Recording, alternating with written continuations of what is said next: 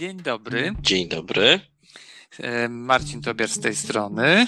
Z tej strony Maciej Wojciechowski. Czyli odwrotnie niż tydzień temu. Tak. I tak sobie pomyślałem, że ty teraz e, przejmiesz ster i będziesz zaczynał i to będzie twój odcinek. Parzyste będą twoje. Ale ja mam wrażenie, że my współdzielimy e, odcinki i staramy się je z obu stron zapełnić treścią. No ja się staram, ale y, chodzi o to, że przejąłem po prostu y, przewodnictwo jakoś tak w poprzednim odcinku, y, słuchając drugi raz, tak czułem, jak, jakbym ja zaczął i jakbym ja nadał ton początkowi i teraz uważam, że ty powinieneś, więc ja teraz, ja teraz będę słuchał ciebie.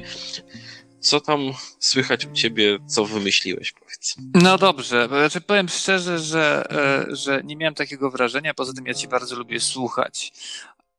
Zacznę od y, jednak czegoś, co no, wiąże nas z sytuacją, która nas otacza. Świeżutka informacja. E, prezydent Filipin, niejaki Rodrigo Duerte, Ach, kolorowa postać, bardzo kolorowa bardzo, postać. dokładnie, bardzo kontrowersyjny człowiek. E, wydał zgodę policji i służbom porządkowym na strzelanie do osób łamiących kwarantannę. E, Nie teraz... jestem tym zdziwiony, dlatego że to jest człowiek, który, którego rozwiązaniem problemu narkotykowego u siebie w kraju było zabijanie wszystkich możliwych e, ludzi związanych z narkotykami, więc no nie jestem zdziwiony tym. Tak właśnie też myślałem, że nie będziesz zdziwiony. Rzeczywiście e, życiorys e, pana prezydenta jest bardzo bogaty. Przede wszystkim jest to człowiek, który okazał się być bardzo skuteczny jako burmistrz przez wiele lat. E, tak jak mówisz, w obszarze walki z, z narkotykami, twórca szwadronów śmierci, oskarżony o to, że sam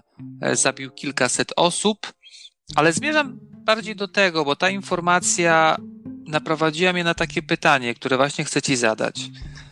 To, o czym mówimy, oczywiście jest przesadą, natomiast kwestia jest taka: czy są granice swobód obywatelskich w stosunku do sytuacji, w jakiej się znajdujemy? Też, jak się domyślasz, piję do tego, że w naszym otoczeniu są osoby, które, które też się nad tym głośno zastanawiają. Czyli jak daleko jednostka powinna się poświęcić i ograniczyć, ze względu na sytuację specjalną, tak? Czy to jest koronawirus, czy to jest jakakolwiek inna mm, e, sytuacja ekstremalna. To jest pytanie, które jest tak stare jak koncepcja państwa. Dlatego, że koncepcja e, państwa jako lewiatana, czyli zakładanie tego, że istnieje nad nami coś, co jednocześnie nas chroni, a jednocześnie nas kontroluje, zakłada właśnie od, oddanie państwu jakiejś części swojej wolności. E, więc, e, więc już nawet w normalnych, w normalnej sytuacji, w normalnej, codziennej sytuacji, my oddajemy część swojej, swojej wolności państwu po to, żeby być bezpiecznymi. Więc w sytuacjach kryzysowych to tylko się powiększa, tylko, tylko, tylko się intensyfikuje, więc e, dla mnie jest naturalne, że odpowiedź brzmi tak, że należy to zrobić. Tylko oczywiście do jakiego stopnia? No do takiego stopnia, do którego nie jest to nadużywane. A kto to ma stwierdzić? E, kurczę, na pewno są e, na pewno są organy międzynarodowe i organizacje międzynarodowe, które to stwierdzają. E, ja uważam również, że, że powinien być, powinna być jakaś procedura, która, e, która warunkuje ci, że możesz ograniczać jakoś, jakoś te, te swobody obywatelskie, ale do pewnego stopnia tylko, jeżeli już zaczniesz o, e, ograniczać je dalej, to po pierwsze musisz jasno i głośno powiedzieć uwaga, jest to stan wyjątkowy i zmieniamy sposób funkcjonowania państwa i ogłosić to jasno. Czyli nie powiedzieć, a tutaj takie mamy rozporządzenia, które sobie postanowiłem wprowadzić, bo będzie fajnie, jak je wprowadzę. Y, nie, nazwać to jasno. To jest stan wyjątkowy, to jest stan wojenny, to jest stan nadzwyczajny, cokolwiek. Wprowadzić po prostu ten e, prawem przewidziany stan, który zmienia sposób funkcjonowania państwa i zmienia faktycznie sposób funkcjonowania wolności obywatelskich. a nie próbować ich ograniczać, e, a nie próbować je ograniczać po jednym, po, po jednej swobodzie, po dwóch swobodach, e, warunkując to tak, że no taka jest sytuacja, no ale skoro jest taka sytuacja, to trzeba iść za, za ciosem i trzeba być konsekwentnym. Tak uważam, takie jest moje zdanie. Tak rzeczy Maciej Wojciechowski. To w sumie, w, sumie, e, w sumie mam bardzo podobne zdanie, bo oczywiście piję do tego, co się dzieje w Polsce w tym momencie, czyli tak. ograniczenia są wprowadzane na podstawie zwykłych ustaw, po prostu zwykłych ustaw. I w mojej ocenie również ograniczenie swobód obywatelskich, jakkolwiek uzasadnione sytuacją, która, w której jesteśmy, a przynajmniej można by to uzasadnić, nie zostały uruchomione żadne, żadne e, nazwijmy to, poszczególne poziomy świadczące o tym, a takie w prawie są, tak jak powiedziałeś, czyli kwestia stanu e, klęski żywiołowej, e, stanu nadzwyczajnego, które mogłyby powiedzieć obywatelom, w takiej sytuacji oficjalnie się znajdujemy i zgodnie z konstytucją takie, a nie inne e, narzędzia stosujemy. W tym Dokładnie. momencie nie ma tych narzędzi uruchomionych, czyli patrząc z boku, żyjemy w normalnej sytuacji, mimo że e, normalnej sytuacji prawnej, mimo że e, w zupełnie e, nienormalnej sytuacji faktycznej. Natomiast to, co, to nad czym się zastanawiam, znaczy, bo oczywiście dlatego, doskonale wiem, dlaczego nie ogłasza się stanu,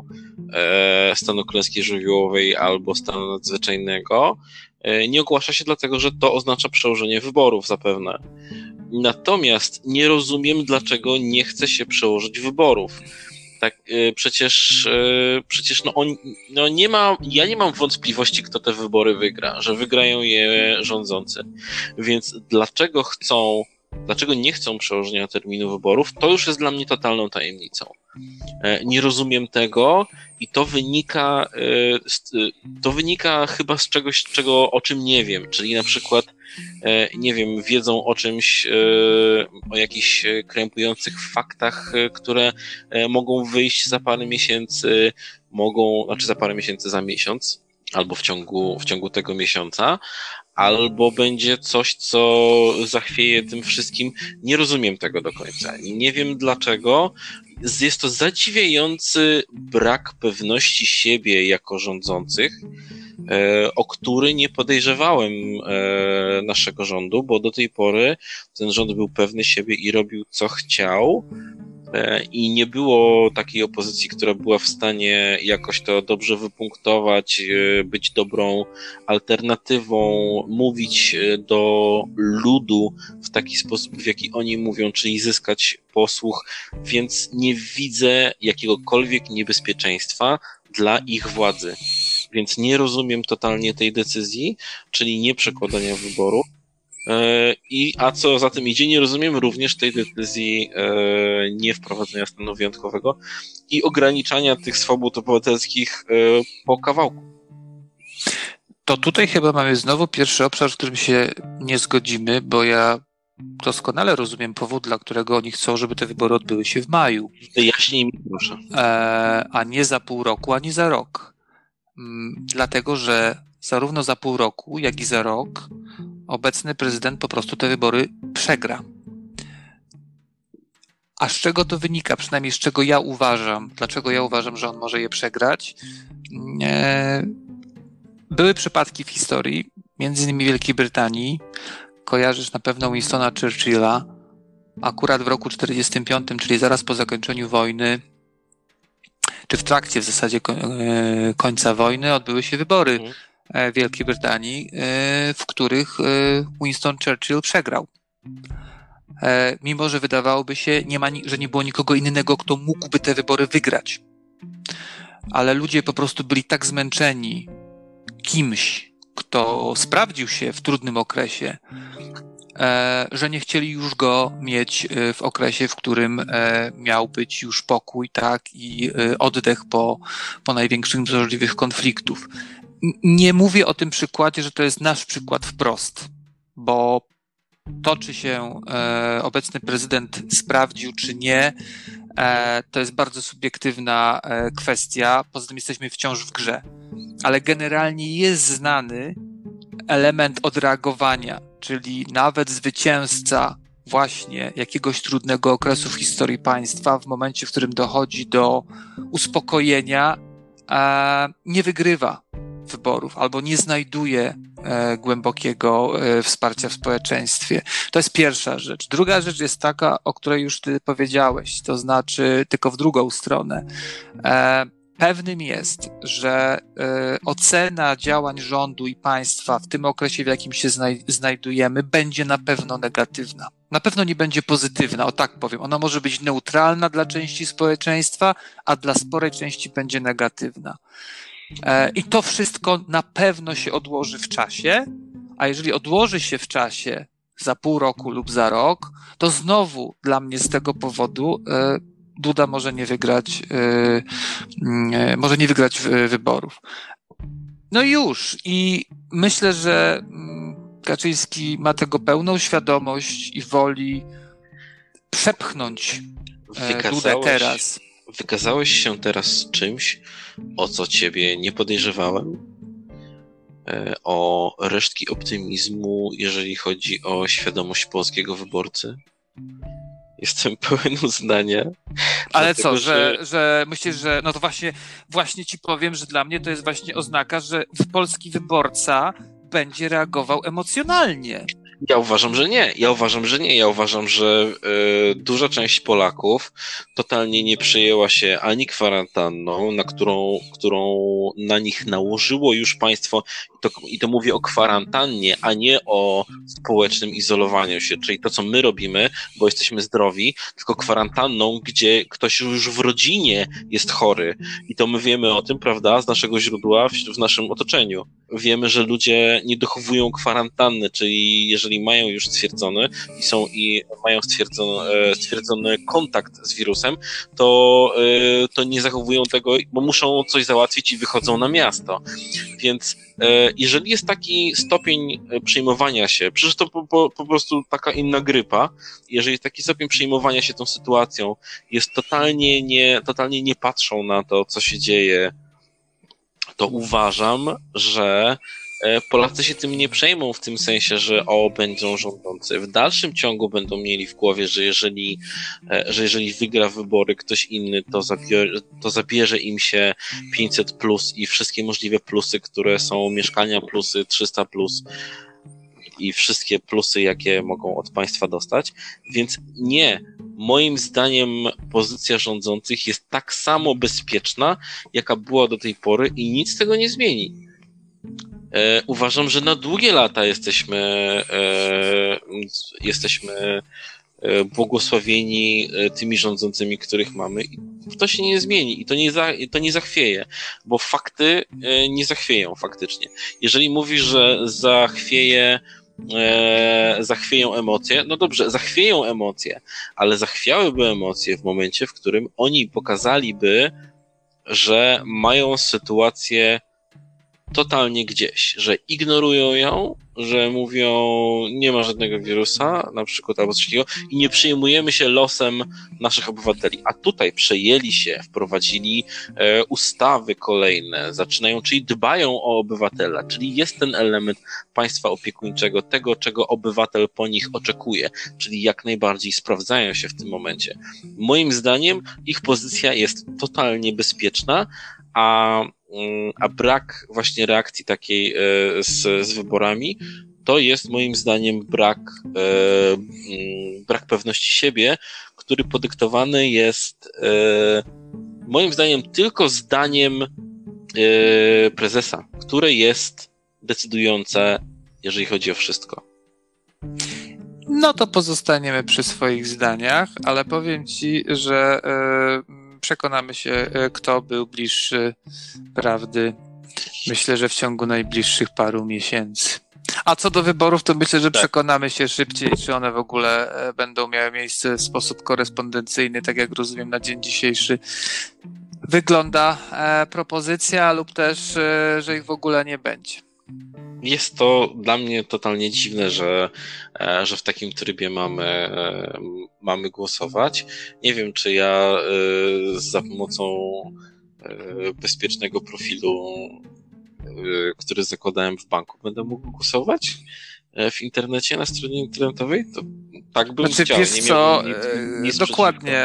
Gdyby to chodziło o to, jak rozumiem, to oczywiście weźmy pod uwagę, że nie wszyscy mają taki profil, ale nawet gdyby jest jeszcze wystarczająco duża ilość czasu, żeby żeby e, sobie taki profil mm, stworzyć, ale zmierzam zupełnie do tego, że z, z tego, co ja rozumiem na dzień dzisiejszy, propozycja jest taka, żeby robić to korespondencyjnie, ale literalnie korespondencyjnie.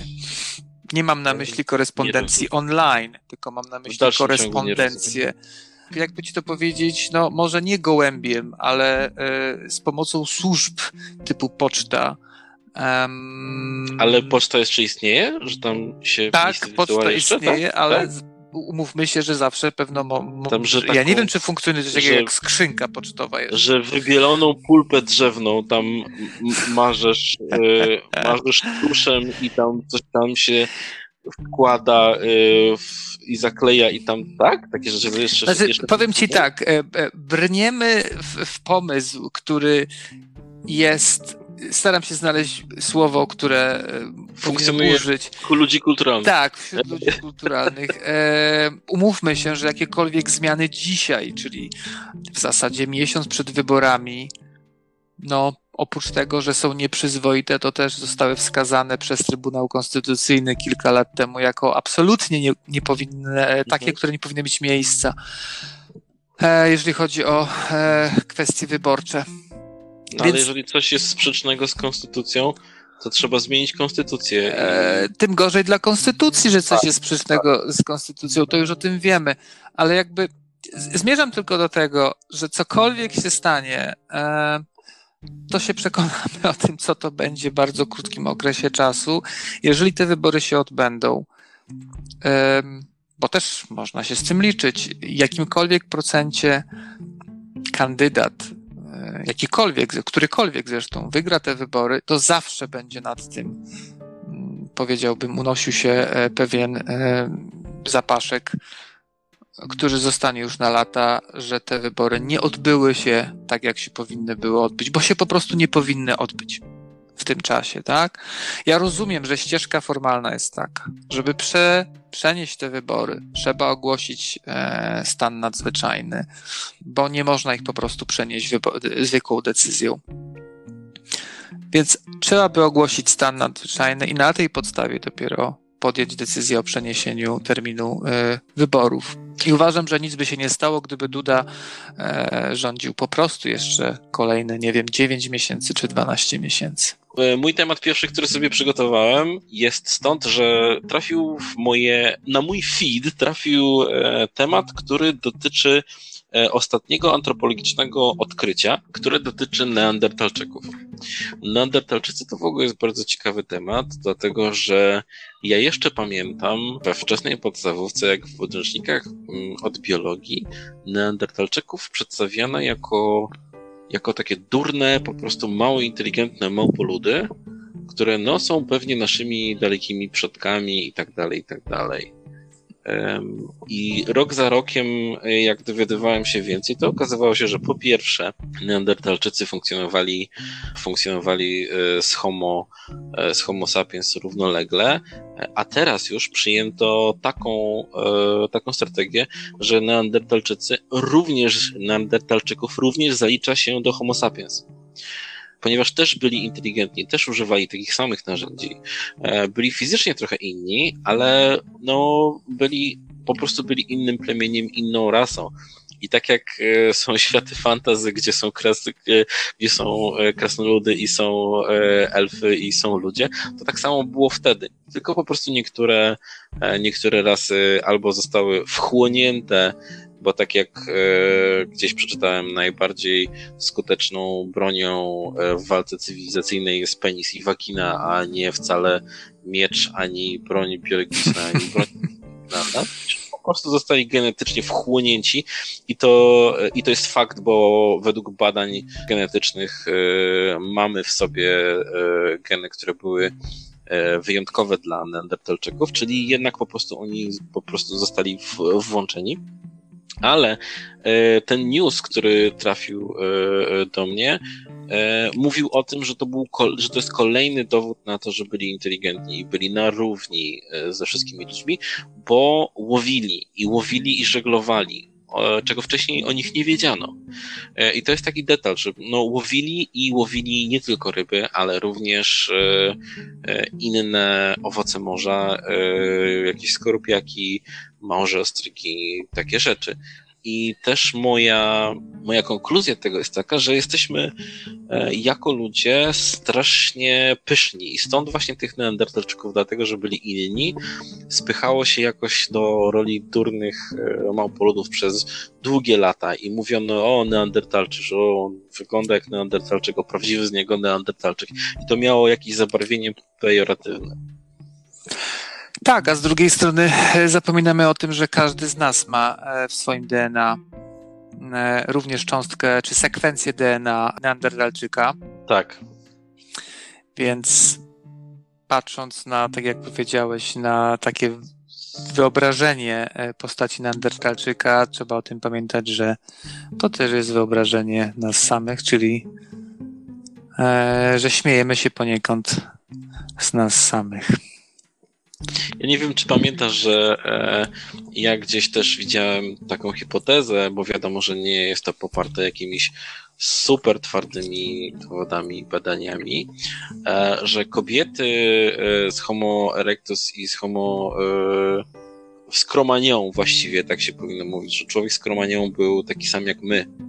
Mhm. E, czyli mniej więcej to jest ten okres. Czyli, czyli te kobiety Kromanią e, E, one uważały mężczyzn neandertalczyków za bardziej atrakcyjnych od przedstawicieli tak. swojej rasy, bo byli bardziej umieśnieni, mieli szerokie żuchwy, to byli tacy mężczyźni z siłowni, bardzo męscy i dlatego, yy, i dlatego doszło do tego mieszania się raz, co jest yy, niesamowite i ukształtowało nas na wszystkie późniejsze lata E, więc tak, no, tak to, tak to wygląda. Czyli, czyli teraz e, to, co powiedziałeś a propos tego odkrycia, czyli wyobrażam sobie teraz tego neandertalczyka, który nie dość, że jest typem macho, tak. to jeszcze dodatkowo jest inteligentny. Czyli w zasadzie stanowi, tak, stanowi idealne połączenie i to też, tak jak mówisz, uzasadnia, dlaczego kobiety wolały neandertalczyków. Co w samej jest fajnym, yy, fajną konkluzją. Tak, dokładnie. Kobiety Czy idzie za tym jakaś nadzieja? Tak. Mężczyźni wolą, mężczyźni wolą blondynki, a kobiety wolą, wolą neandertalczyków. Okej. Okay. E, słuchaj, teraz przejdę do tematu, który nas połączy, czyli e, temat serialu. A, super. Temat serialu, więc ja zacznę od trochę innej strony. Od strony, yy, mianowicie, po pierwsze, o jakim serialu mówimy, czyli mówimy o serialu List do Króla tak. Serial fantazy na Netflixie i jest to serial Netflixa, żeby to też było e, jasne, ale jest to serial oparty na książce. Jest to serial oparty na powieści holenderskiej pisarki Tanke Dragt. O, e, holenderskiej, okej, okay. to tak, mi wiele wyjaśnia, dokładnie. to mi wiele wyjaśnia. I żeby jeszcze dopełnić obrazu, to książka ta, List do Króla, jest uważana w Holandii za najlepszą książkę dla młodzieży drugiej połowy XX wieku. To znaczy był ranking, który, mhm, który, mhm. e, który ta książka e, wygrała. Jest jeszcze druga, kolejna część, więc też można się siłą rzeczy spodziewać, że jeżeli serial będzie. E, czy to jest cykl powieści, czy to jest jedna powieść? To są dwie powieści. To są dwie Aha. powieści. Powieści, które co też jest ciekawe, na język angielski zostały przetłumaczone dopiero kilkanaście lat temu. E, a powieść sama jest y, sprzed kilkudziesięciu lat. Więc to nie jest bardzo świeża e, historia, natomiast no, kompletnie będąca gdzieś w ukryciu, ale no, tak, jak, tak jak powiedziałem wcześniej, ponieważ jest to powieść holenderska, jeżeli nie zostanie przetłumaczona na język angielski jakakolwiek powieść, e, no to siłą rzeczy jej popularność jest ograniczona, chociaż Dokładnie. kilka lat temu e, został nakręcony film na podstawie tej powieści e, holenderski. Więc myślę, że też go będzie gdzieś można może w sieci e, znaleźć. A teraz ty mi powiedz coś o serialu samym. Powiem ci tak, bardzo miło mnie zaskoczyło to, że on jest tak bardzo średniowieczny i to lubię w fantazy, kiedy fantazy nie jest totalnie odrealnione. Czyli jak widzę fantazy e, w, w takim typie jak World of Warcraft, mm, tak się film zdaje się nie nazywał, tylko film się zdaje się nazywał Warcraft po prostu, bądź też e, nawet Władca Pierścieni, to są to światy wymyślone totalnie od zera i narysowane od zera. Nie ma tam średniowiecznej estetyki etosu rycerskiego, takich rzeczy, które my znamy, czyli rycerzy z, e, z, z herbami, całego herbarzu, takiego skomplikowanego, takich rzeczy. Tego nie ma i my tego nie znamy. I dlatego się ucieszyłem, inaczej, i dlatego te, też tak zareagowałem, jak powiedziałeś, że to jest e, autorka e, holenderska, bo właśnie europejska i to czuć właśnie. E, mhm. To czuć i jest to tam, jest to takie odwołanie do właśnie tych motywów średniowiecznych, które, które znamy. Więc momentami mógłbyś dać się oszukać, że to jest historyczne, że to jest powieść historyczna, bo E, bo masz po prostu rzeczy, które coś ci przypominają. I na pewno jak większość e, jak większość autorów fantazy, na pewno bierze motywy z historii średniowiecza, czy też wczesnego średniowiecza, czy, czy, czy późnego. Wcześniej w średniowieczu, tym lepiej, bo tym bardziej kolorowe rzeczy się działy. I, I to rozumiem. E, jeżeli chodzi o sam serial, to serial jest zrobiony świetnie. Ty mówiłeś, że gdzieś tam brakowało pieniędzy, że dostrzegałeś. Ja nie dotarłem do takiego momentu, w którym byłbym zawiedziony efektami. A dlaczego? Dlatego, że w tym, w tym serialu jest dokładnie to, co jest, e, co było na początku w Grze o Tron mhm. i co jest e, może do pewnego stopnia w Wiedźminie, e, ale też co jest e, i co było, i tu uwaga, e, w serialu Heroes. czyli nie, okay. epa, nie epatuje się niesamowi, nies, niesamowitościami, czyli nie, nie epatowało się superbohaterskością w serialu Heroes, czyli nie było superbohaterów w kostiumach, i nie ma zbyt dużo magii w tym serialu i nie ma magów na każdym kroku, nie ma cudownych ras, czyli nie ma właśnie krasnoludów, elfów, em, wróżek i tak dalej. I ta niesamowitość, ta nadnaturalność jest jakimś marginesem i postacie, które są w tym serialu, one się dziwią i opowiadają sobie, że gdzieś tam podobno była jakaś magia, e, ale o tym nie rozmawiajmy, a ja w to nie wierzę, nie było żadnej magii, to tam duby smalone, a ktoś tam mówi, e, że wierzy, bo pamięta, bo coś tam, bo byli szamani i właśnie o to chodzi. Czyli ta niesamowitość jest czymś e, wyjątkowym, jest jakiś margines i to jest oddzielone e, i dlatego, że jest to podawane oszczędnie, to jest bardzo zjadliwe dla odbiorcy, a po drugie jest to tanie w filmowaniu i, i nie trzeba zbyt dużo efektów specjalnych, żeby to zrobić. Więc, e, więc ja jestem, e, ja jestem przyjemnie zaskoczony. Czego mi osobiście tam brakuje? No mi brakuje przemocy, seksu, krwi i, tego wszystkiego, ale ja rozumiem dlaczego, że jest to na podstawie książki młodzieżowej, więc odbiorca tego musi być młodzieżowy, ale przyznasz, że, przy, przyznasz, że jest to trochę śmieszne, jeżeli człowiek jest dźgnięty mieczem w brzuch e, i nie ma ani kropli krwi i on po prostu leży i umiera w boleściach, a wokół niego nie rośnie e, kałuża krwi. Jest to trochę śmieszne, ale rozumiem dlaczego. Dokładnie, grupa odbiorców jest wyraźnie wskazana. Zresztą ograniczenie wiekowe w zasadzie nie istnieje, bo jest to od, siedem, od siódmego roku życia. I to e, jest tego, za nisko. Pamiętam. I to jest za nisko. Tam jest przemoc, jest przemoc. Jest przemoc bez krwi, ale w dalszym ciągu przemoc. Wiesz co, na pewno tu jestem bardziej tolerancyjny, bo, bo ja. Ja też, ja też, tego... bo wychowaliśmy się na bardziej e, brutalnych rzeczach. Pewno tak. E, strzelało się do Niemców i to oglądaliśmy od dziecka.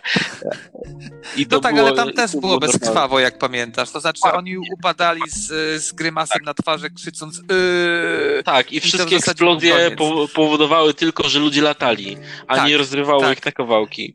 Dokładnie. Yy. Natomiast chciałbym ci jeszcze zwrócić uwagę na jedną rzecz, która wiąże ten serial z e, Drużyną Pierścienia, mianowicie e, serial był kręcony na Nowej Zelandii tak też wiedziałem. I to widać. Dla, to widać, to widać, to widać bo to, to, są piękne plenery. Szczerze? I są, tak. Myślałem do pewnego momentu, dopóki nie sprawdziłem tego w internecie. Że to jest CGI? Tak, to, że to jest CGI. Myślałem, że po prostu świetnie podebrali. E, nie, tu... momentami, momentami musi być CGI, bo tam jest tych zamków europejskich jest mnóstwo. I, e, druga lokalizacja to Czechy. Druga lokalizacja to Czechy. Tak, wiedziałem. Dlaczego? Dlatego, że te, te zamki od środka, te pałacyki e, z tymi e, drewnianymi e, motywami i freskami na ścianach, to są jak polskie. Więc ja je kojarzę, że są bardzo mhm. stąd. Więc e, no, słyszałbym, gdyby było to kręcone w Polsce, więc jeżeli nie w Polsce, to pewnie w Czechach. Tak powiedziałem nawet na głos do, e, do mojego syna, jak, e, jak oglądałem to przy nim i mówię, no to jest chyba w Czechach, bo i dziękuję Ci bardzo, trafiłem, mam satysfakcję. W dziesiątkę, dokładnie. E, ale też e, stwierdziłem, że jest to kręcone w Nowej Zelandii, jeżeli chodzi o, e, o plenery. Dlaczego? Dlatego, że są tak zróżnicowane. Są potężne, są są rozległe i są bardzo zróżnicowane. Czyli w Nowej Zelandii, Nowa Zelandia to jest jedyny taki kraj, gdzie możesz mieć prawie pustynny, pustynną scenografię, znaczy pustynny plener, a za chwilę możesz mieć lodową pustynię tak samo. Możesz mieć to, możesz mieć to, możesz mieć lasy e, i to wygląda na wszystko, e, na, może wyglądać na Europę, może wyglądać na coś innego. E, tylko w samej Zelandii można nakręcić prawie cały świat, jeżeli chodzi o plenery. To jest niesamowite, ale też te plenery są potężne swoimi rozmiarami. I to pamiętam, że też pomyślałem, że jest to Nowa Zelandia. To, to jest myślę, że też y, spora, y, spora, e, znaczy nie chcę powiedzieć wartość, ale zaleta e, tego serialu, czyli jeżeli chodzi o zdjęcia, e, naturalność, tak jak mówiłeś, zamków, to mhm. rzeczywiście robi wrażenie. Gra aktorska to są wszystko bardzo młodzi aktorzy. Nie jest źle, nie jest źle. Nie jest, jest źle. Nie. Mhm. Nie wiem, czy zwróciłeś uwagę na jedną z młodych aktorek, która jest córką, zresztą gra razem ze swoim ojcem. E, I tenże ojciec gra jej ojca w tym serialu. Żartujesz. E, tak, to jest, to jest jego córka. Córka? To jest córka Serkisa. E, uważam, że ona rzeczywiście wyróżnia się Pewnie, wyróżnia się. E, no grą ja aktorską. Absolutnie nie pomyślałbym, że to jest jego córka. To jest jego córka też ku mojemu zaskoczeniu, ale jeżeli spojrzysz na nich po tej informacji, to zauważysz też pewne. Pamiętam się e, teraz faktycznie zwrócić na nią uwagę. pewne podobieństwo. A a propos właśnie takich zaskoczeń pozytywnych, to właśnie jest chociażby Andy Serkis e, w, roli pewno epizodycznej, mm, ale, ale, ale warty obejrzenia. E, jest również duński aktor, e, bodajże Boda, którego kojarzę z Most nad Sundem, który gra mnicha w stylu mhm. Shona Connery z imienia Róży. Ja Nie go wiem, czy zwróciłeś na to uwagę. Widziałem. Ja go też dziś widziałem wcześniej. Poczekaj, poczekaj. Czy on przypadkiem nie będzie grał Wesemira? E, tak, dokładnie. To jest, to jest Dobra, chyba okay. sugestia. Tak, tak, tak. To jest bodajże chyba. Znaczy nie wiem, czy to jest potwierdzone, że to on, ale czy on był wśród tych, którzy. Wydaje mi się, że to jest już potwierdzone. Okej, okay, okej. Okay. E, w każdym razie ci dwaj aktorzy dla mnie w tym serialu to też był jakiś sygnał na to, że, e, że, jest, to, że jest to serial robiony na poważnie Mhm. Mimo, że mówię, grupa docelowa młodzieżowa. I przyznam szczerze, że e, bardzo go polubiłem, polubiłem bohaterów. E, nie jest to Wiedźmin, żeby było jasne. Nie jest to tak, również... Wiedźmin jest e, jednak mroczny, w Wiedźminie tak. jest jednak więcej niesamowitości, jest jednak brutalny i to wszystko ma być podlane tym sosem, jaki u Sapkowskiego był, bo u Sapkowskiego jednak e, odbiorcą e, książek miał być odbiorca starszy, i, a już nie mówiąc o grze, gdzie, e, gdzie tam nie przebiera się w słowach i w, e, w nagości i w e, brutalności. Dlatego tutaj, mhm. dlatego tutaj ja kładę ten serial obok jednak e, trylogii e, Tolkiena, mm, czy też serialu e, Petera Jacksona, tak, na podstawie mhm.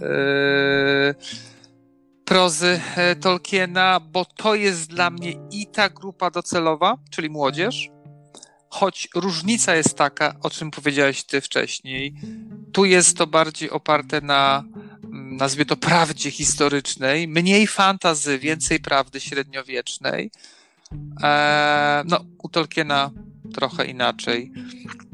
Ale ja jeszcze tego serialu do końca nie obejrzałem. Jestem Ja bodajże po piątym odcinku, Ja więc też nie wiem jeszcze do czego nas to doprowadzi, ale jestem bardzo ja bym, zadowolony. ja bym widział i, e, i powiem ci teraz e, zboczę zupełnie w drugą, st- w inną stronę, ale a propos Sapkowskiego, że bardzo, ale to bardzo chciałbym zobaczyć trylogię husycką sfilmowaną, e, bo tam dopiero masz prawdziwe średniowiecze e, z elementami fantazy wrzuconymi właśnie w taki sposób, czyli tego nie ma zbyt dużo, jest to zaznaczone, jest tego trochę, ale tylko, ale jest jak właśnie przyprawa w, e, w dobrej e, w dobrej potrawie, nie jest daniem głównym, więc, e, więc to jest super i to jest dobrze zrobione, e, jeżeli chodzi o literaturę. E, I mi osobiście, e, za co mogę zostać pozbawiony obywatelstwa, trylogia husycka podobała się bardziej niż e, Wiedźmin. Ale jestem to w stanie zrozumieć. Absolutnie. Ale różnica jest może tylko jeszcze taka, że jednak trylogia husycka to jest ten sam level, co Wiedźmin, jeżeli chodzi o krwawość e, i Tak, tak, brutalność, tak, więc tak, to tak. też nie byłby ten poziom dla, Nie. e, dla młodzieży. Dla młodzieży nie. E, natomiast paradoksalnie można się chyba z trylogii husyckiej dowiedzieć więcej o tym, jak wyglądało w rzeczywistości średniowiecze, Tak. niż e, z jakiegokolwiek innego, e, z jakiejkolwiek innej powieści, przynajmniej taką, którą, którą kojarzę. Życzyłbym sobie ekranizacji. Co więcej, jestem przekonany, że jeżeli, e, jeżeli Wiedźmin, mm, a, a wszystko na to wskazuje, choć oczywiście e, kręcenie drugiego sezonu zostało, zostało zawieszone, e, odniesie duży międzynarodowy sukces, to podejrzewam, że również sięgną i po trylogię husycką E, za kilka lat. Macieju, co masz? Mój kolejny temat. Mój kolejny temat jest e, bardzo daleko, bo dotyczy samochodów elektrycznych. O! E, tak. Ja wypowiadam się na temat motoryzacji, a według niektórych moich znajomych nie mam prawa, ponieważ nie mam prawa jazdy. Szok. Mhm. Mhm. E, ale, ale jestem jakby fanem samego, e, samej idei. I e, w zeszłym tygodniu opublikowano... Przepraszam, ale to mo- czy ja mam rozumieć, że jakby taką analogię mogę zbudować, że jeżeli księże wypowiadają się na temat seksu, bo się zgadzają z ideą, to ty wypowiadasz się na temat samochodów, tak?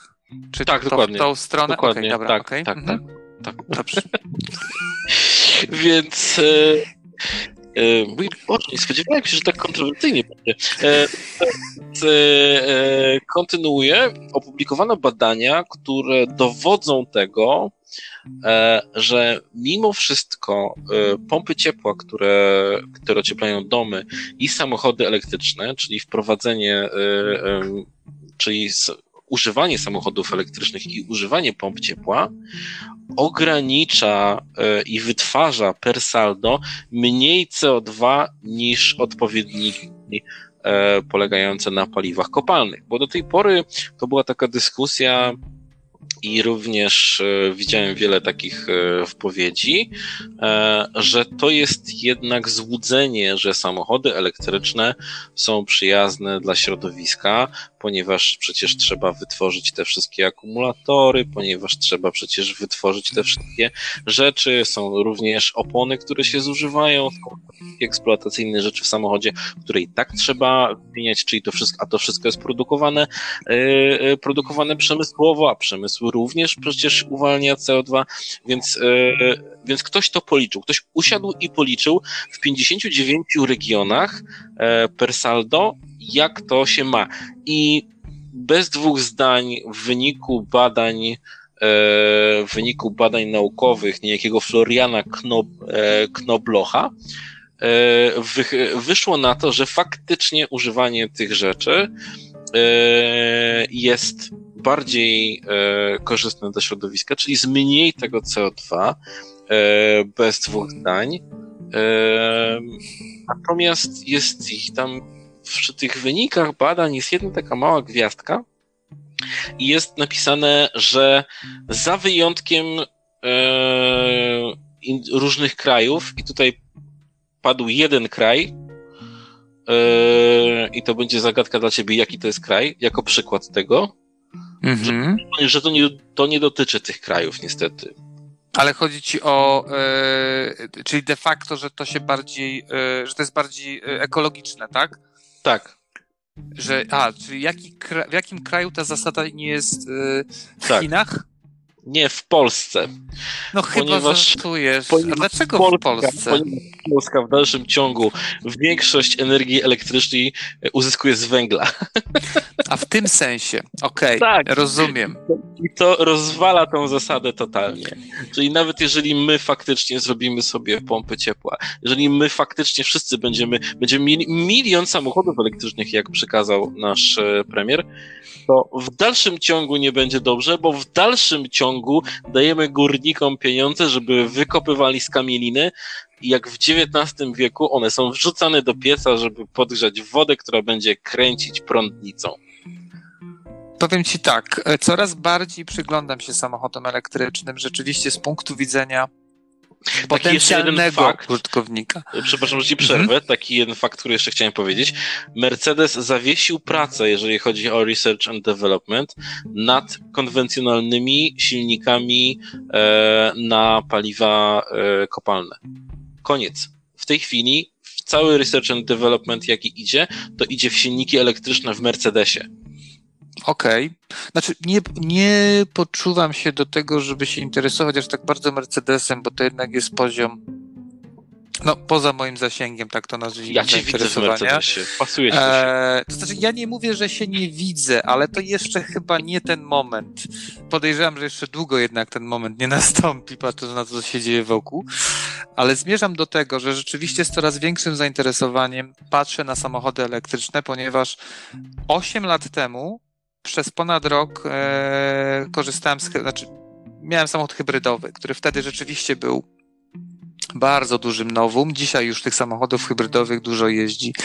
I zmierzam do tego, że wtedy kwestia, e, kwestia połączenia silnika elektrycznego e, z silnikiem spalinowym była dla mnie interesująca. No i teraz siłą rzeczy patrzę na, na samochody elektryczne, czyli na ile zwykły śmiertelnik, taki jak ja, mieszkający w bloku na przykład, byłby w stanie użytkować samochód elektryczny w tak dużym mieście, w jakim się znajdujemy. Czyli kwestia ilości ładowarek, kwestia zasięgu, e, kwestia e, co będzie, gdybym chciał się udać na południe Polski na przykład. E, Czy to wszystko jest możliwe? Czy to wszystko oznacza dla mnie dodatkowe komplikacje, przystanki, czas i tak dalej, i okazuje Ale- się, że nie. To tak jak z każdą technologią tak naprawdę. Dopóki ona nie jest powszechna, to jest e, nieopłacalna, niewygodna, Tak. ale w momencie, w którym ona staje się powszechna, to, o, to robi się łatwa, szybka, przyjemna, tania. Myślę, że jednym z wyzwań, o których e, przeczytałem a propos właśnie samochodów elektrycznych w Polsce, są właśnie tereny osiedlowe i tereny parkingów osiedlowych. E, Bo wyobraźmy sobie, że jeżeli jesteś właścicielem e, czy mieszkańcem domku e, jednorodzinnego czy, czy szeregówki, no to siłą rzeczy masz możliwość skorzystania z, z, z prądu w garażu, prawda, albo podciągnięcia sobie siły i tak dalej. Natomiast jeżeli jesteś mieszkańcem bloku, a takich jest zdecydowanie pewno więcej, no to jedynym miejscem, gdzie mógłbyś ten samochód e, ładować, no to jest parking, na którym załóżmy masz swoje miejsce, albo parking podziemny, tak, albo parking naziemny. I tu z tego, co czytałem, jest problem, ponieważ na takie miejsca nie ma możliwości prawnej, bo nie chodzi o możliwość techniczną, aby podprowadzić wielkiej ilości em, e, po prostu u- ładowarki e, elektryczne. Okej, więc pytanie, czy ładowarki umieszczone w publicznych miejscach, typu, nie wiem, pod galeriami handlowymi, na parkingach, byłyby w stanie zaspokoić, zaspokoić potrzeby e, No, użytkowników. no, no może tak, ale tylko na takie pod, szybkie podładowanie, Tak, bo z tego, tak. co, z tego co mi wiadomo, to żeby naładować samochód y, od 100 do 100%, od 0 do 100%, to jednak to trwa 30-40 minut, więc o ile so- sobie wyobrażam e, przystanek 30-40 minutowy w drodze na południe, w, jeżeli jedziesz całą Polskę, gdzie w połowie się zatrzymujesz i i ładujesz samochód do, do 100%, żeby przejechać dalej, bo to żaden problem, to robisz sobie po prostu tak, przerwę. E, przerwę i idziesz coś zjeść, idziesz się napić, idziesz do, do ubikacji e, i przy okazji telefon, telefon e, no telefon, ale ładowaliśmy, tele, ładowaliśmy telefony, e, teraz ładujemy słuchawki, to teraz będziemy ładować samochody. E, tak. Więc i zegarki też ludzie ładują też. No. Mhm. Więc no to będzie kolejna rzecz, którą trzeba będzie ładować i myśleć o ekonomii elektrycznej. Więc to nie będzie problem, jeżeli tylko e, stanie się to właśnie powszechne. Więc ten e, problem zasięgu dla mnie też nie jest e, problemem, jeżeli chodzi o samochody elektryczne, który ma już znaczenie. Kiedyś te zasięgi były dużo mniejsze, a poza tym, według badań dotyczących poruszania się samochodem, większość użytkowników samochodu dziennie nie jedzie dalej niż 60 kilometrów. E, tak, zgadza się. Więc jeżeli mieszkamy w Trójmieście, tak, e, i zasięg takiego samochodu mniej więcej jest w granicach 200-250 kilometrów na jednym ładowaniu. I to tych, e... e muszę ci powiedzieć, to nie tych najlepszych elektrycznych. Nie, nie, nie. Bo tych z wyższej o, półki to już jest 400 kilometrów tak, Tak. Mówię na przykład o Nissanie Leafie poprzedniej tak. generacji, który jako samochód używany można, można kupić. Dokładnie on ma zasięg mniej więcej około 200 kilometrów, co, co oznacza, że de facto podejrzewam, że poruszając się tylko po mieście z jakimiś potrzebami typu, nie wiem, zakupy e, czy podjechanie gdzieś, e, pewno na tydzień masz z głowy, czyli znowu można e, raz w tygodniu taki samochód tak. naładować e, mhm. i spokojnie przejeździć kolejny tydzień, co jest absolutnie tak możliwe i nie musisz mieć do tego ładowarki blisko miejsca zamieszkania, tylko właśnie przy galerii handlowej czy w jakimś innym miejscu.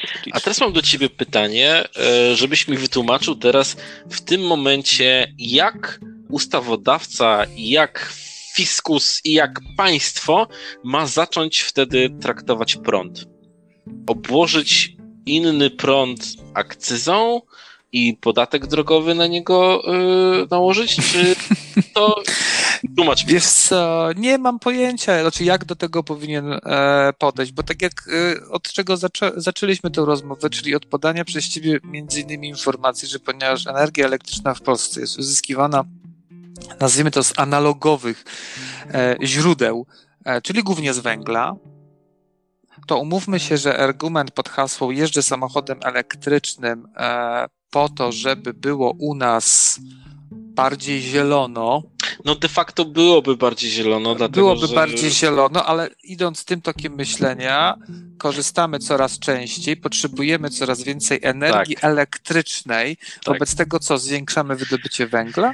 Więc e, w momencie... No to już prowadzi no, do absurdu, prawda? W momencie, w którym e, byłoby... Gdyby, gdybyśmy teoretycznie sytuację, że zastępujemy wszystkie samochody spalinowe, e, zastępujemy samochodami e, to i tak byłoby lepiej w miastach, i tak byłoby lepiej, e, jeżeli chodzi o powietrze, bo tylko byłoby zanieczyszczenie powietrza tylko tam, gdzie są elektrownie e, e, węglowe, ale, ale to jest fakt, że zamiast inwestować e, w odnawialne źródła energii, co mamy obowiązek robić z racji bycia członkiem Unii Europejskiej, jest to na nas nałożone i niedługo już przychodzi okres rozliczania się z tego, ponieważ mieliśmy o, osiągnąć jakiś tam procent, wcale nie mały procent uzyskiwania e, energii, energii ze źródeł odnawialnych i tego nie robimy, to my inwestujemy w modernizację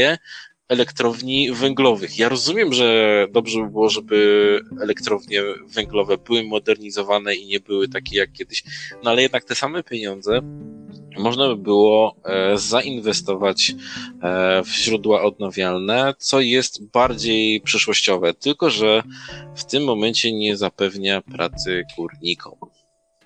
Tak, jeszcze jest jedna kwestia. Weź pod uwagę to, że yy, jeszcze musisz ten samochód kupić. I teraz, jeżeli spojrzysz, jaka jest, jaki jest koszt zakupu i samochodu tak, elektrycznego. Yy, tak, a i tutaj znowu uważam, że jest to kwestia tego, że jest to technologia, która nie jest powszechna. Bo uważam, że e, i to była też filozofia Ilona Maska przy zakładaniu Tesli, że on zrobi pierwszy samochód, który będzie zabawką i ciekawostką dla bogatych ludzi. I to była Tesla Roadster. I to był faktycznie samochód, który kupowali bogaci ludzie, e, którzy będą szpanować. Potem on zaczął e, produkować samochody innych segmentów. I zauważ, teraz już doszedł do segmentu e, ciężarówek i półciężarówek. Więc praktycznie już wszystkie segmenty są obskoczone. Więc w momencie, w którym e, te rzeczy, które jeżdżą, bo muszą jeździć, a nie dlatego, że ktoś chce gdzieś pojechać, e, czyli te, te pojazdy funkcjonalne, czyli te, które rozwożą towary, e, będą elektryczne, to, e, no to to już jest e, spory krok w tą stronę. E, więc uważam, że brakuje gracza na rynku samochodów elektrycznych, który zrobi tani samochód elektryczny dla wszystkich i każdego będzie stać. I ten samochód, e, paradoksalnie, on będzie tańszy niż samochód spalinowy, bo jest tam po prostu mniej rzeczy w środku. To nie jest e, stalowa bryła, która musi w środku e, w sposób, e, w sposób bezpieczny e, wytrzymywać eksplozję. No nie, to jest coś zupełnie innego. To są elektryczne e, rzeczy. Tam e, nie ma skrzyni biegów, która, e, która jest, też bywa problemem. No jest to prostszy mechanizm, więc on będzie tańszy paradoksalnie w produkcji. No, o tym się myślę, że szybko przekonałem, bo sam jak powiedziałeś, tak. to jest kwestia też masowości, tak, a tak. jak wiesz, e, producenci analogowi, czyli tak jak wspomniałeś o Mercedesie, e, ale tak. w zasadzie na dzień dzisiejszy każdy koncern każdy już ma, tak. E, albo już wprowadził samochód elektryczny, albo za chwilę wprowadzi. Jesteśmy w tym momencie w dość ciekawym momencie przejściowym. Proto, protoplastami i w zasadzie pierwszą firmą, która rozpoczęła produkcję samochodów hybrydowych była Toyota zesztandarował Toyota Prius. To zajęło trochę czasu, zanim ta technologia się upowszechniła. Dzisiaj większość producentów już ma również w swojej ofercie e, też samochody hybrydowe. Podejrzewam, że ten układ podwójny, z jednej strony hybryda, z drugiej elektryk, e, będzie e, funkcjonował jeszcze przez kilka e, ładnych, e, ładnych lat zanim przejdziemy tylko, e, tylko na napęd e, czysto elektryczny. Ale to jest dla mnie też ok, bo ja też rozumiem, że oczywiście no wszystko musi mieć swój okres przejściowy i myślę, że w takim właśnie okresie się znajdujemy. Widziałem świetny e, filmik na YouTubie, który podsumowywał e, rozwój technologiczny do roku 2050. I zaskoczyło mnie to i teraz już nie chcę e, nie chcę kłamać, bo po prostu nie pamiętam, ale wydaje mi się, że to było za 5 lat. We Francji nie ma już być e, sprzedan- sprzedawanych samochodów spalinowych. Mhm. I to jest odważna e, decyzja, ale, ale też, e, też jest przyszłościowa. Ja pamiętam, że w moim przekonany byłem, że tym graczem, który będzie ustalał zasady na rynku samochodów elektrycznych, będzie Renault. Dlatego, że oni wypuścili e, dosyć e, taką mocną kampanię, e, która nazywała się Renault ZE, czyli Renault Zero Emission. Mm -hmm, I zrobili cztery, cztery samochody które miały być stuprocentowo elektryczne, od takiego futurystycznego samochodu, który wyglądał typowo jak samochód koncepcyjny, taki dwu, e, dwumiejscowy, e, taki futurystyczny, który wyglądał po prostu jak zabawka trochę, do trzech e, samochodów, e, które były, które miały stać się, one wszystkie oczywiście były koncepcyjne, ale które miały stać się jakimś standardem czyli odzyskiwanie energii z hamowania, odzyskiwanie energii z, e, z całego dachu, praktycznie cały dach miał być jedną baterią e, słoneczną. Oprócz tego e, były tam mnóstwo, mnóstwo nowinek technicznych, w każdym modelu było coś, które było, co było innowacyjne i służyło odzyskiwaniu energii lub też wykorzysty, wykorzystywaniu energii w bardzo ekonomiczny sposób. Oczywiście wszystkie możliwe światła LEDowe.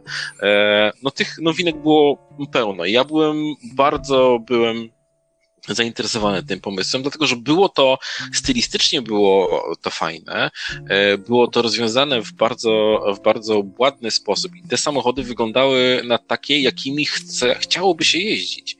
Mhm. Natomiast e, co z tego wszystkiego zostało? A to było lat temu kilkanaście. Co z tego wszystkiego zostało? Został z, z tego wszystkiego Renault Fluence który był, jest jedynym samochodem z tych czterech, które po prostu, który wszedł do oferty Renault, ale nie jest, do, to, totalnie nie jest tym, co, e, e, co Renault obiecywało. Czyli wychodzi, gdyby, gdyby był to projekt Kickstartera, to można by było, można, nie zebraliby pieniędzy chyba, nie wiem.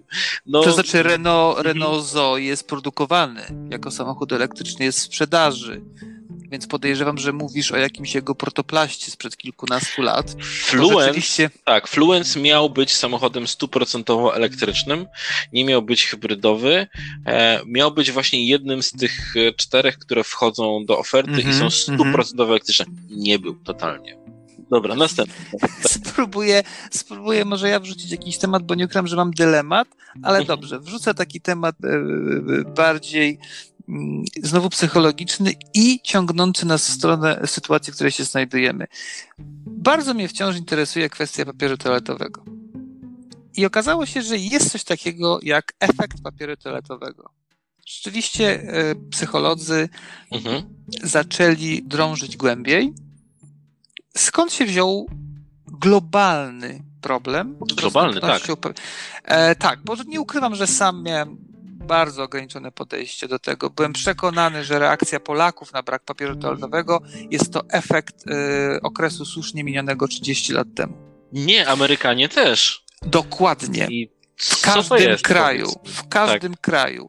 E, jest to wynik kilku procesów, e, mówiąc brutalnie, po prostu psychologicznych, czyli braku pewności tego, co się dzieje, braku jasnego komunikatu e, o zagrożeniu i chęć poczucia sprawczości w stosunku do rzeczy, na które mamy wpływ. Mamy wpływ na zakupy, a wśród tych zakupów próbujemy racjonalizować. Racjonalizujemy w obszarze pokarmu, czyli kwestia, wiadomo, ryżu, właśnie mąki i produktów nieprzetworzonych. Mhm. Jedziemy również kalkami, które mamy w głowie. Tak? Nie chcę tutaj absolutnie uderzać aż do czasów wojny, ale że generalnie okres kryzysu to jest kwestia związana z tym, że okay, pamiętaj, żeby mieć cukier, żeby mieć mąkę, żeby mieć kaszę, e, żeby mieć ryż, tak? Czyli produkty, z których jesteś w stanie coś uzyskać, e, co będzie e, dawało ci szansę na stworzenie jakiegoś pokarmu. I przenosząc ten mechanizm dalej, idziesz do kwestii higienicznych, tak? Czyli kwestia proszku do prania i tak dalej. No i siłą rzeczy pojawia się temat papieru toaletowego. To wszystko razem też e, w jakimś sensie jest związane z tym, że jesteśmy konformistami. Czyli, że podążamy za tłumem, podążamy za innymi z dwóch powodów. Jeden jest całkiem zdrowy, dlatego że kiedy podążamy za innymi, czyli kiedy robimy to, co inni, kiedy często nie mamy czasu na to lub zasobów, żeby podjąć decyzję samodzielnie. Co mam na myśli mówiąc zasobów? Właśnie czasu, wiedzy, doświadczenia, e, dodatkowych informacji. Podążamy za innymi. A drugi powód jest mega również oczywisty, to jest potrzeba przynależności. Czyli jeżeli widzimy, że inni kupują papier, to my wychodzimy z założenia, kurczę, coś w tym jest. Skoro inni, to ja też. Poszedłem dalej, bo zaciekawiła mnie jedna rzecz, mianowicie, czy wszyscy jesteśmy konformistami? Odpowiedź brzmi tak. W latach 50. niejaki Salomon Ash przeprowadził badanie. Badanie polegało na tym, że należało zbadać długość trzech odcinków ABC i sprawdzić, który z nich jest najbliższy tak, widziałem, odcinkowi widziałem. X.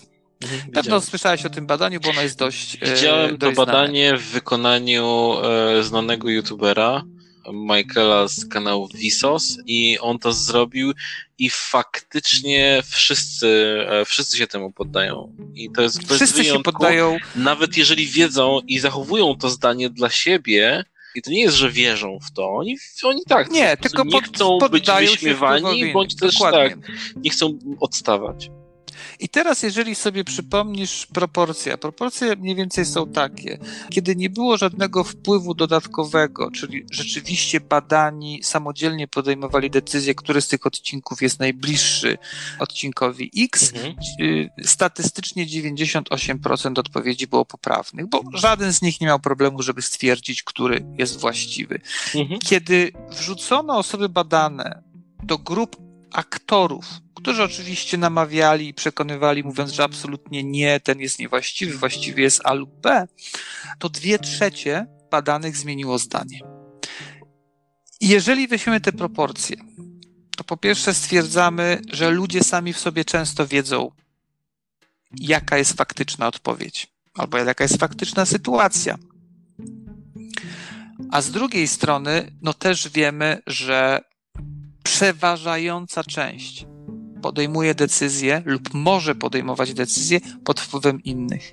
Jeżeli przełożymy ten mechanizm na kwestię już nie papieru toaletowego, tylko na kwestię chociażby wyborów politycznych lub jakichkolwiek innych, no to jest to dość no nie pozytywne, no. Szukałem innego słowa, ale no to nie jest dla mnie pozytywne. Hmm, znaczy, wiesz skąd to wynika? To jest też e, atawizm taki, że jeżeli reszta mojego plemienia nie wchodzi do tego lasu, to ja też nie wchodzę, bo tak. Bo reszta tak. plemienia wie, że tam grasuje tygrys, który odgryza głowy.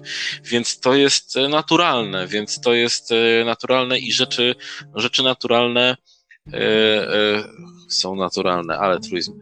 E, ale chodzi o to, że nie są wcale dobre faktycznie, bo, bo często rzeczy, odruchy naturalne przeczą zdrowemu rozsądkowi, natomiast są w nas zaszyte, bo, bo mają współgrać e, z instynktem samozachowawczym. Po prostu.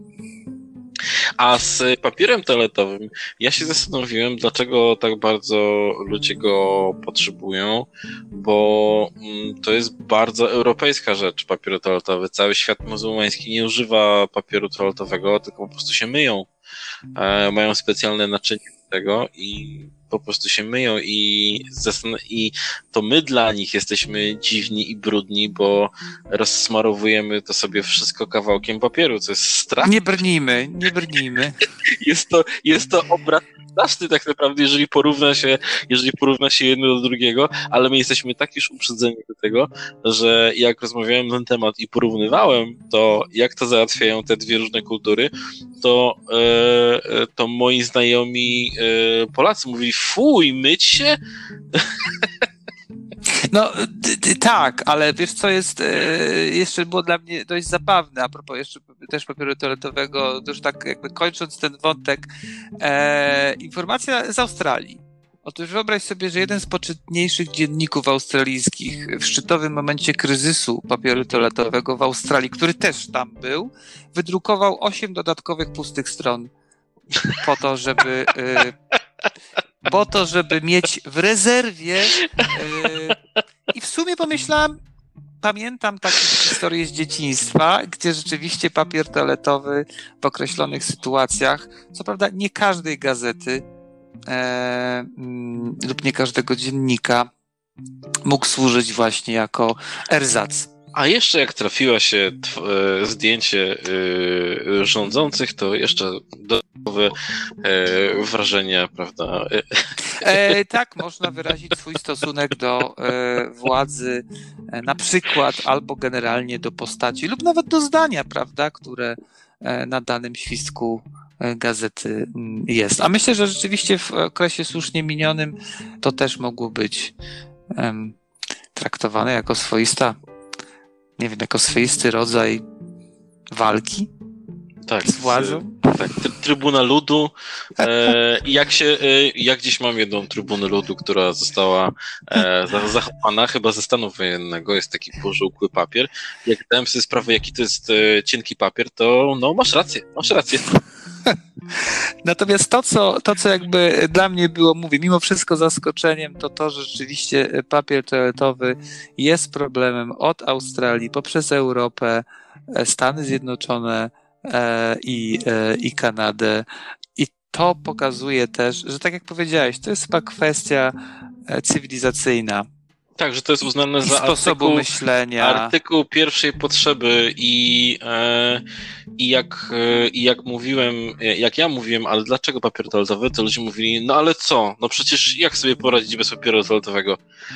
E, jest to uznawane za, e, za, e, za taki artykuł bezpośredniej takiej potrzeby ostatecznej, jak, jak woda pitna wręcz.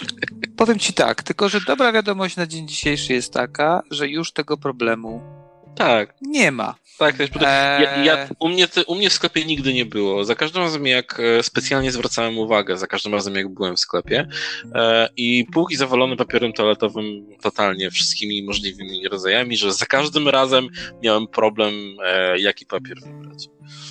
e, no dobrze. To chyba dojechaliśmy Chodźmy do końca. e, do końca dzisiejszego, dzisiejszego mojego spotkania e, z tobą i twojego e, ze mną. E, Dziękuję Ci bardzo za, za rozmowę. Dziękuję wszystkim, którzy słuchają i Tobie też. Ja również chciałem Ci podziękować, ponieważ e, pomijając kwestie, e, kwestie mm, merytoryczne, czyli wiedzy, którą sobie jakoś tam pewno przekazujemy, to za każdym razem ja to traktuję jako świetną zabawę i możliwość oderwania się od rzeczywistości, która nas czasem jednak przytacza, przytłacza. Ja czuję się przytłoczony przez naszą rzeczywistość, ponieważ e, dzisiaj, tak jak e, już Ci wcześniej powiedziałem, dzisiaj dowiedziałem się skąd e, bierze się słowo kwarantanna, a bierze się z języka włoskiego i powstało to wtedy, kiedy w czasie e, plagi, w czasie kiedy, kiedy zarazy, e, w czasie zarazy e, Włosi izolowali się na 40 dni, więc kwarantanna to 40 dni. Więc ja jestem dokładnie w połowie, a już mam tego dosyć. E, Więc e, nie wiem. Nie wiem, jak radzili sobie Włosi. Na wszelki wypadek, żeby poczuć ten, tego włoskiego ducha, kupiłem dużo pomidorów.